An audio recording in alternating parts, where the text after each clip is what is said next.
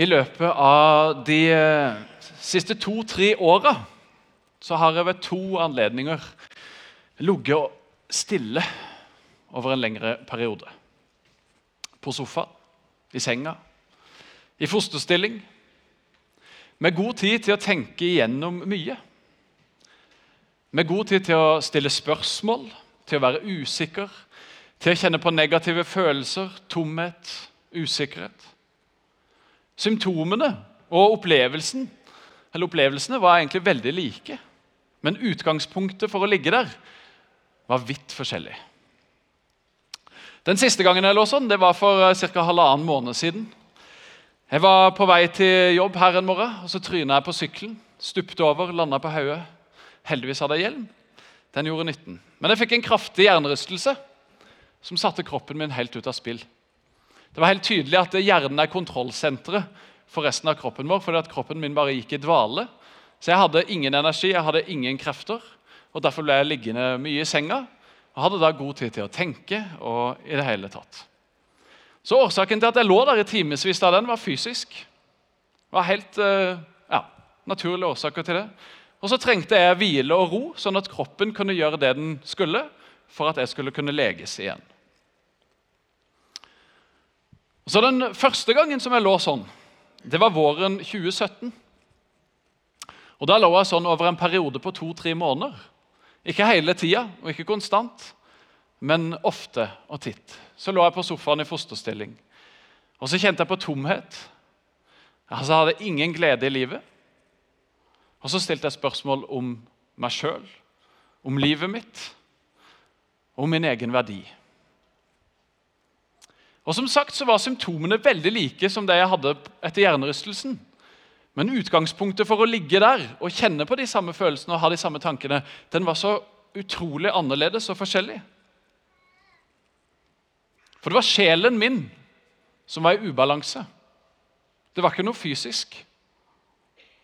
Jeg kjente på mindreverdighet, jeg kjente på utilstrekkelighet, jeg kjente på skam.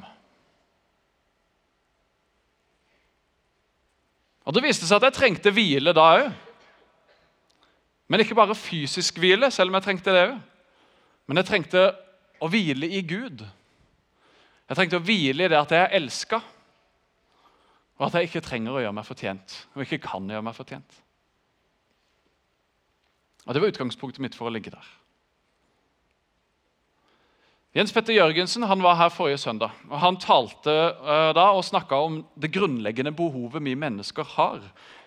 Det er betingelsesløs kjærlighet. Det var som vi sang i den siste sangen her. La meg først og fremst å, kjenne din kjærlighet. Og Det er dette som Gud tilbyr oss. Det er nåde. Det grunnleggende fundamentet for hele den kristne tro. Og Jens Petter nevnte jo at det, Dette med nåde, det å forstå den kjærligheten, det er noe som må flytte seg fra hodet og ned i hjertet. Det må bli noe som vi kan kjenne, noe som vi kan erfare, som ikke vi bare vet. Ofte så er det sånn at vi kan forklare ting med hodet vårt. Og Hvis du har vært kristen en stund, så kjenner du sikkert godt til begrepet nåde og kan forklare hva det betyr. og sånn. Men jeg tror det er mange kristne som ikke har forflytta nåden herfra til noe kognitivt som de har forstått og ned i hjertet, til følelseslivet, til sjelen og til hele kroppen. Og Det var det som skjedde med meg i de månedene der jeg lå på sofaen og grubla og tenkte og følte ingenting.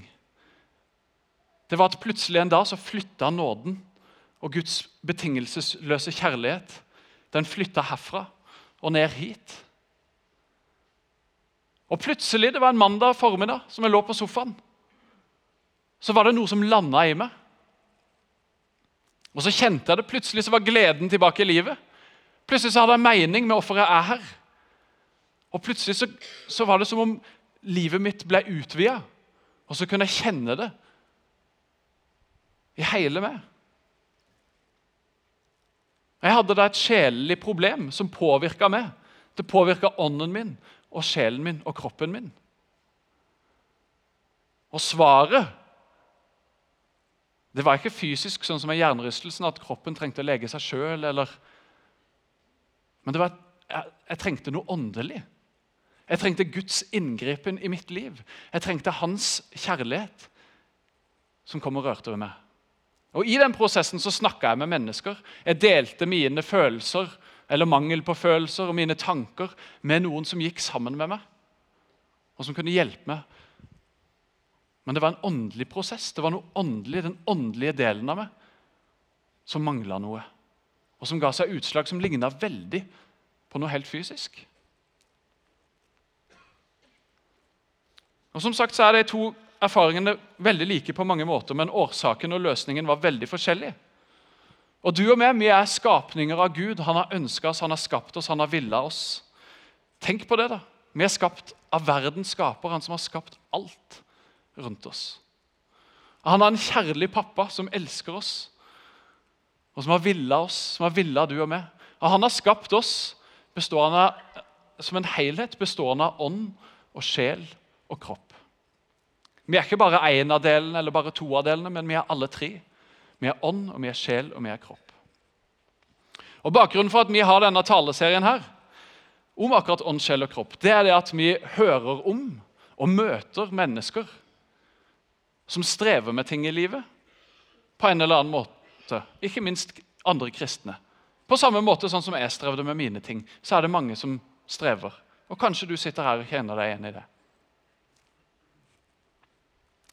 Og Jeg er overbevist om at svaret så mange ganger ligger i at vi forstår sammenhengen mellom ånd og sjel og kropp, og at vi klarer å plassere ting der det skal høre hjemme. I den helheten som vi er. At ikke vi bare er fokusert på ett sted eller to steder, men at vi er fokusert på helheten. At vi klarer å skille ting fra hverandre og holde det samla. Og Det er det jeg har fått erfare, og mange med meg, som sikkert sitter her. Vi vet at I vår tid da, så er det utrolig mange sykdommer som folk får, som er stressrelatert. Mange strever med såkalte psykosomatiske lidelser. altså At en har stive skuldre eller en har hodeverk. Altså en har fysiske utslag som, der det egentlig ikke er noe galt i det fysiske, men det er i det sjelelige. Det er der problemet ligger. En stresser. Og Ingen vil betvile at det fysiske og det psykiske henger sammen. Kanskje du husker når du var liten og grua deg til noe, så fikk du vondt i maven for eksempel. Eller kanskje du gjør det fremdeles som voksen. Men det henger sammen. Og Det er folk veldig opptatt av, og det er helsepersonell og alle ser de sammenhengene veldig tydelig. Og Da er det godt at ikke det bare fins fysioterapeuter når du får stive skuldre, og sånne ting, men at det fins psykologer fordi at det er noe psykisk som er årsaken til de stive skuldrene. Og så Samtidig så er det dessverre ikke den samme erkjennelsen blant vanlige folk og heller ikke helsepersonell på at mennesker har en åndelig del. En lever på en måte bare i to sfærer, i den fysiske og i den sjelelige. Men vi har en åndelig dimensjon som spiller stor rolle òg for vår psykiske og vår fysiske helse. Og Som kristne da, så bygger vi vår tro på Bibelen, på Gud som skaper og Der ligger synet på oss som en skapning som består av ånd og sjel og kropp. Det er det Bibelen forteller oss om. Det er sånn Gud har skapt oss. En helhet som står av tre ulike deler som henger tett sammen. Og så er det jo sånn at Som kristne så blir vi påvirka av samfunnet rundt oss. Og åssen det snakkes, åssen det tenkes rundt oss. Og Det tror jeg kan være noe av grunnen til at enkelte ganger så vil den åndelige dimensjonen òg i kristne settinger bli tona ned. Vi blir veldig opptatt av det sjelelige, f.eks. Men i mange også kristne settinger så er det åndelige tona ned. Eller en får det helt motsatte. At det åndelige blir tona veldig opp. Og at det er nesten kun det åndelige som fins. Alt blir åndeliggjort av det som skjer med oss. All fysisk sykdom har en åndelig bakgrunn. Altså, Du er syk fordi du har synda. Kanskje noen av dere har hørt det. Og Det er en annen grøft å falle i, for alt er ikke åndelig heller. De første kristne de eh, møtte fort på noen som kalles gnostikerne, som hadde sin rot i, blant grekerne. Og I gresk filosofi så er det veldig vanlig å tenke dualistisk, altså å tenke ånd stående mot materie. Det er Pla Platon som uh, drev på med de her tankene her. At ånden står over kroppen vår. At alt ondt Kroppen vår er bare ond, og ånden vår er bare god. og så skal på en måte ånden vinne over kroppen. Og Det er en dualisme som ikke vi finner i Bibelen. Og det er ikke det bibelske menneskesynet. For det bibelske menneskesynet er at vi består av ånd og sjel og kropp. Tre ting i ett, på en måte. Så er kanskje det enkleste for oss mennesker da, det er enten å benekte alt åndelig og gå i den grøfta, for å si det sånn, eller å kalle alt åndelig og havne i den grøfta. Og Det er kanskje det enkleste, for da er det litt lettere å skille. Det er langt mer utfordrende å stille spørsmålet og prøve å plassere hva er det som hører hjemme hvor. Har dette en åndelig karakter? Er det kun fysisk? Er det noe sjelelig? Hvor hører det hjemme? Men det er noe av grunnen til at vi ønsker å snakke om dette, fordi det er viktig å forstå og se. Sånn som fysisk sykdom. da. Det kan ha en åndelig årsak. Og det kan ha en sjelelig årsak, og det kan ha en fysisk årsak. Og for å ta et eksempel, Jeg tryna på sykkel. Det var et helt sånn fysisk greie. da. Og jeg kjente på ting i mitt liv som var sjelelig. Og For et par ukers tid siden snart så skulle jeg ha cellegruppe med, på cellegruppe med cellegruppa mi. Og så skulle det være med to nye den gangen som kom for første gang, som jeg har blitt kjent med litt. og forskjellig sånn. Og Jeg gleda meg veldig, syntes dette var kjempespennende og var sånn spent på åssen blir dette her. ikke sant? Og Den samme dagen så begynner jeg å kjenne influensasymptomer. Sånne tunge bein ikke sant? og smerter i korsryggen. Som en typisk han er influensa. og begynte å lure på ok, kommer det noe influensa, og hva er dette her for noe.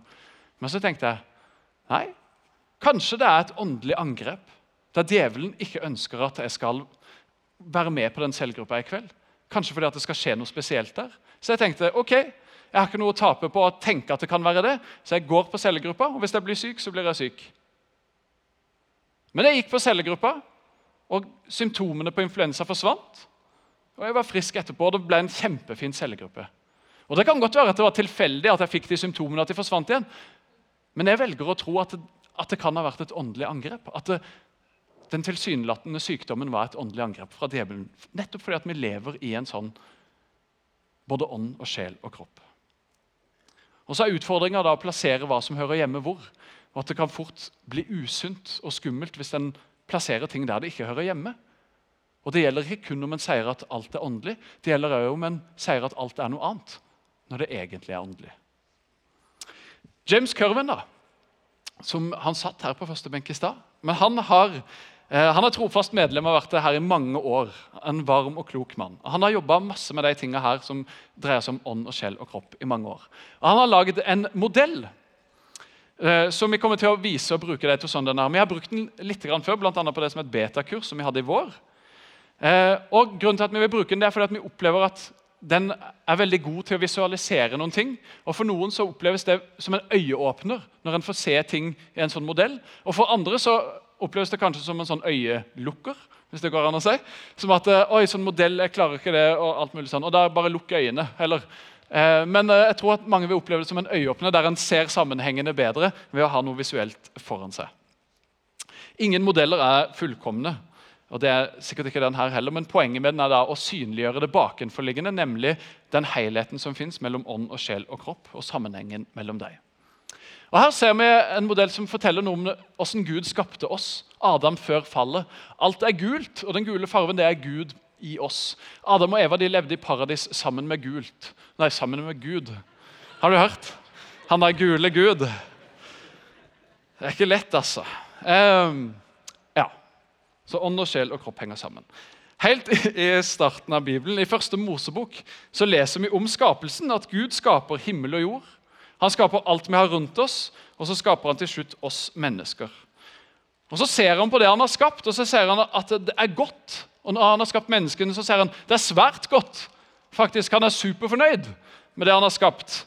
Og Det var sånn, det var en helhet mellom ånd og sjel og kropp i Adam og Eva. Og det var en relasjon med Gud som var der. Så Adam og Eva, de første menneskene, de løper nakne rundt i Edens hage. De er totalt skamløse og fullstendig fri. Sånn som Gud ønska det, og sånn som Gud hadde skapt det. Og Alt var da svært godt, både fysisk, sjelelig og åndelig. Og I første Mosebok kapittel 2 og vers 24 så står det noen vers som er godt kjente. og Hvis du har vært i bryllup noen gang, så er sannsynligheten veldig stor for at du har hørt de versene. Jeg har lyst til å trekke de fram fordi at de har noe interessant å si til oss i denne konteksten. Der står det derfor skal mannen forlate sin far og sin mor og holde fast ved sin kvinne, og de to skal være én kropp. står det. Dette er interessant, og det er jo noe av det som da skjer når noen inngår ekteskap. Men betydningen av den teksten her, det er at mannen og kvinnen de skal sammensmeltes på det dypeste nivå. Det er det det står. Mannen og kvinnen skal sammensmeltes på det dypeste nivå. I ånd, i sjel, i kropp. De skal bli ett. Og Måten de to blir en kropp på, det er ved å ha sex. Hvis ikke du visste det, så vet du det nå. Og I bibelsk forstand da, så er da sex noe som angår vår ånd, vår sjel og vår kropp. Hele mennesket. Og Det er grunnen til at Gud sier at en skal holde seg fast ved sin kvinne. At det er forbeholdt én mann og én kvinne, og ikke en fysisk aktivitet som en kan gjøre når som helst, hvor som helst og med hvem som helst. Sånn som vi opplæres i vårt samfunn i dag. Sex er jo bare blitt en fysisk ting som du kan gjøre ja, når som helst, hvor som helst og hvem som helst. Men hvis dette her stemmer, hvis Guds ord stemmer, om at to mennesker som ligger sammen, blir sammensmelta på det dypeste nivå, så er det ikke rart at Gud har plassert det inni en ramme kalt ekteskapet, en forpliktende pakt. Vi deler jo ikke det innerste vi har av tanker og følelser med hvem som helst. Hvorfor skulle vi da gi hele oss, med ånd og sjel og kropp, og bli sammensmelta med et annet menneske, med hvem som helst, til vilkårlige mennesker rundt oss? Det er jo grunnen til at Gud har skapt ekteskapet. For å holde det innenfor trygge, gode rammer der ikke vi gjør skade på oss sjøl og andre. Fordi at det går så dypt i oss. Det preger hele oss. Det er ikke en fysisk aktivitet. Hvor lenge ble Adam i paradis? Det er en frase som vi har i språket vårt, og det var ikke så lenge. Eh, det tok ikke så lang tid før mennesket ble lokka til opprør mot Gud, og synden kom inn i verden, og mennesket ble atskilt fra Gud. Og I eh, James' modell så er dette da Adam etter fallet, etter syndefallet. Og Det gule er vekke. Mennesket er atskilt fra Gud. Vi er fremdeles en helhet bestående av ånd, sjel og kropp, men vi er atskilt fra Gud, som det står i ånden der. Og vi blir selvstyrte. Den S-en i midten av hjertet. Det, at det som styrer meg, det er mitt selv. Jeg er blitt en egoist som tenker ut ifra mitt eget perspektiv framfor Guds. Og grunnsynden Ja, grunnsynden, det er nettopp det. At jeg vil være Gud i mitt eget liv. At jeg er herre i mitt eget liv. Det er det som egentlig er synd.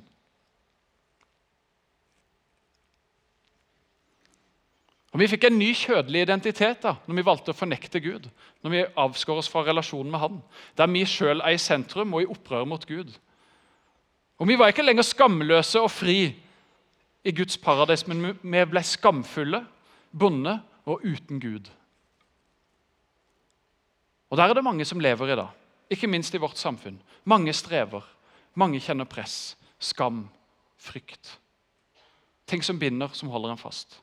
Og Hvis vi fortsetter å bruke sex som eksempel, da, så er det jo det som jeg har nevnt allerede, at mange ser på sex i vår tid som bare en sånn kroppslig greie. En fysisk aktivitet. De vil kunne legge til at den beste sexen den har du hvis det er med noen der det er følelser involvert. Noen du er glad i. Og Da er det tydeligvis ikke bare en fysisk greie, da, men noe som angår sjelen òg. Men med en tanke om at jeg kan velge når jeg kun skal bruke kroppen, og når jeg skal involvere sjelen. Og jeg tror ikke at en kan velge hvilke deler av oss som blir påvirka, og som er i aktivitet, for å si det sånn. Og jeg tror at Når vi følger våre egne lyster og vår kjødelige natur, så tror jeg at det skaper sår, det skaper bindinger, det skaper skam, og det skaper mange av de problemene som vi ser at mennesker sliter med i dag. Og Det betyr ikke at sex er det eneste årsaken til at eh, mange har problemer i vårt samfunn. altså. Ikke misforstå meg, men jeg tror at det er en av dem. Og jeg synes at Det kan fungere som et godt bilde på den helheten med ånd, og sjel og kropp. og derfor brukte jeg det. Men jeg tror òg at vi mennesker dypest sett har en lengsel mot noe som gir mening og håp. Hvorfor er jeg her? Hvor kommer jeg fra? Hvor skal jeg hen? Og Jeg tror at vi lengter tilbake til Edens hage. Jeg tror vi lengter til kjærligheten og friheten som var der. Jeg tror vi lengter tilbake til relasjonen med Gud. Og Jeg tror ikke at alle kjenner det like sterkt. Og Noen erfarer det når de ligger på dødsleie, f.eks. Eller hvis de opplever alvorlig sykdom. Men jeg tror at det er noe som er lagt ned i oss mennesker fra Guds side. Og I Forkynneren 3,11 så står det akkurat det. Alt skapte han vakkert, hver ting til sin tid. Ja, alle tider har han lagt ned i menneskenes hjerter. Alle tider, tid som varer, kunne det vært oversatt med. Eller evigheten, sto det der tidligere, er lagt ned i hjertene våre. Og jeg tror det at Den åndelige delen av oss mennesker den lengter etter Gud. At det er han som har skapt oss. Han har skapt oss i sitt bilde, og han lengter etter oss. Og han søker oss. Han har lagt ned noe i oss som lengter etter han, og som søker etter han. Og så Veldig mange ganger så prøver mennesker å tilfredsstille den lengselen på en helt annen måte. Gjennom sex, gjennom alkohol, gjennom jobb, gjennom fotball, gjennom mat. Gjennom fysiske eller sjelelige ting. Og så blir i beste fall den tilfredsstillelsen de oppnår, den blir kortvarig. Fordi at det er ikke det de søker, det er ikke det de leter. Det er ikke ånd i det.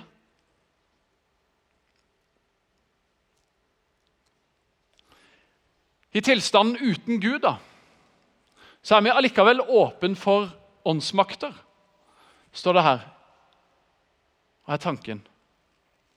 Er jo det negative. Hva som jeg nevnte i sted, jeg nevnte djevelen. Og Det fins gode ånder, og det fins onde ånder. Gud og djevelen står hverandre imot. Alt åndelig er ikke bare godt. Og Djevelen han ønsker å myrde, han ønsker å ødelegge, han ønsker å stjele. Det er hans oppgave. Det er det han går inn for for å ødelegge for oss. Han ønsker oss bare vondt. Det er et vitnesbyrd som har vært framme i menigheten vår i hvert fall ved to anledninger, senest på jubileumsgudstjenesten i september, som var på skjerm. Om ei i menigheten som ble frelst for to år siden, som forteller i vitnesbyrdet sitt om at uh, hos mor var død, og hun søkte i det alternativet uh, for å få kontakt med sin døde mor. hun hadde bøker om det okkulte og lette på en måte i den onde åndeligheten. da. Hun søkte den åndelige verden uten å finne det hun lette etter. Det det derimot skapte, det var masse frykt og bekymringer. Hun tørte ikke være hjemme alene i sitt eget hus. Og På et tidspunkt når hun hadde fått høre litt om Jesus, så ble hun fysisk kvalm og uvel av, de, ja, av den atmosfæren som hun levde i, den åndeligheten som hun levde i. Så hun måtte kvitte seg med de okkulte bøkene, og det eneste hun klarte å gjøre, det var å kaste de ut vinduet sitt. Og Det var noe som påvirka hele hun. Og Så forteller hun da at eh, ja, det, var helt tydelig da, den sammenhengen mellom ånd, sjel og kropp. Og Så møtte hun Jesus. Og Så ble hun frelst, tok imot og fikk kontakt med den gode åndeligheten. hvis vi skal kalle det det. Og Så fortalte hun sjøl hvordan hun ble fylt med fred, og at den frykten hun hadde kjent på, forsvant fullstendig. At det var noe i det åndelige som hadde skifta, og som påvirka sjelen hos, og som påvirka ånden hos. Dette var kort fortalt, men de av dere som har hørt vitnesbyrdet før, vet hva jeg snakker om. Og I Johannes 3 så dukker det opp en type som heter Nikodemus. Nå gjør jeg et lite taktskifte i talen min. Eh, han heter Nikodemus, han er fariseer, han er godt opplært i Skriften. Han kommer til Jesus på natta fordi han lurer veldig på hvem denne Jesus er. Men han er redd for hva andre vil tenke om han hvis han oppsøker Jesus. Og Så sier han da til Jesus, 'Rabbi', vi vet at du er en lærer som er kommet fra Gud. For ingen kan gjøre de tegna som du gjør, uten at Gud er med ham. Og Jesus svarte, sannelig, sannelig, jeg sier det, den som ikke blir født på ny, kan ikke se Guds rike. Åssen kan en som er gammel, bli født? sa Nikodemus. Kan noen komme inn i mors liv igjen og bli født for andre gang? Jesus svarte, sannelig, sannelig, jeg sier deg, den som ikke blir født av vann og ånd, kan ikke komme inn i Guds rike. Det som er født av kjøtt, er kjøtt. Men det som er født av ånden, er ånd. Når en tar imot Jesus, så blir vi født på ny. Vi får en ny identitet.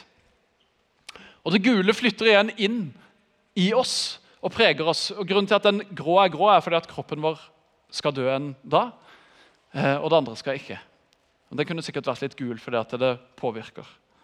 Men vi er ikke lenger bare eh, kjødelige og har en kjødelig identitet, men vi får et nytt liv. Vi får en ny åndelig identitet.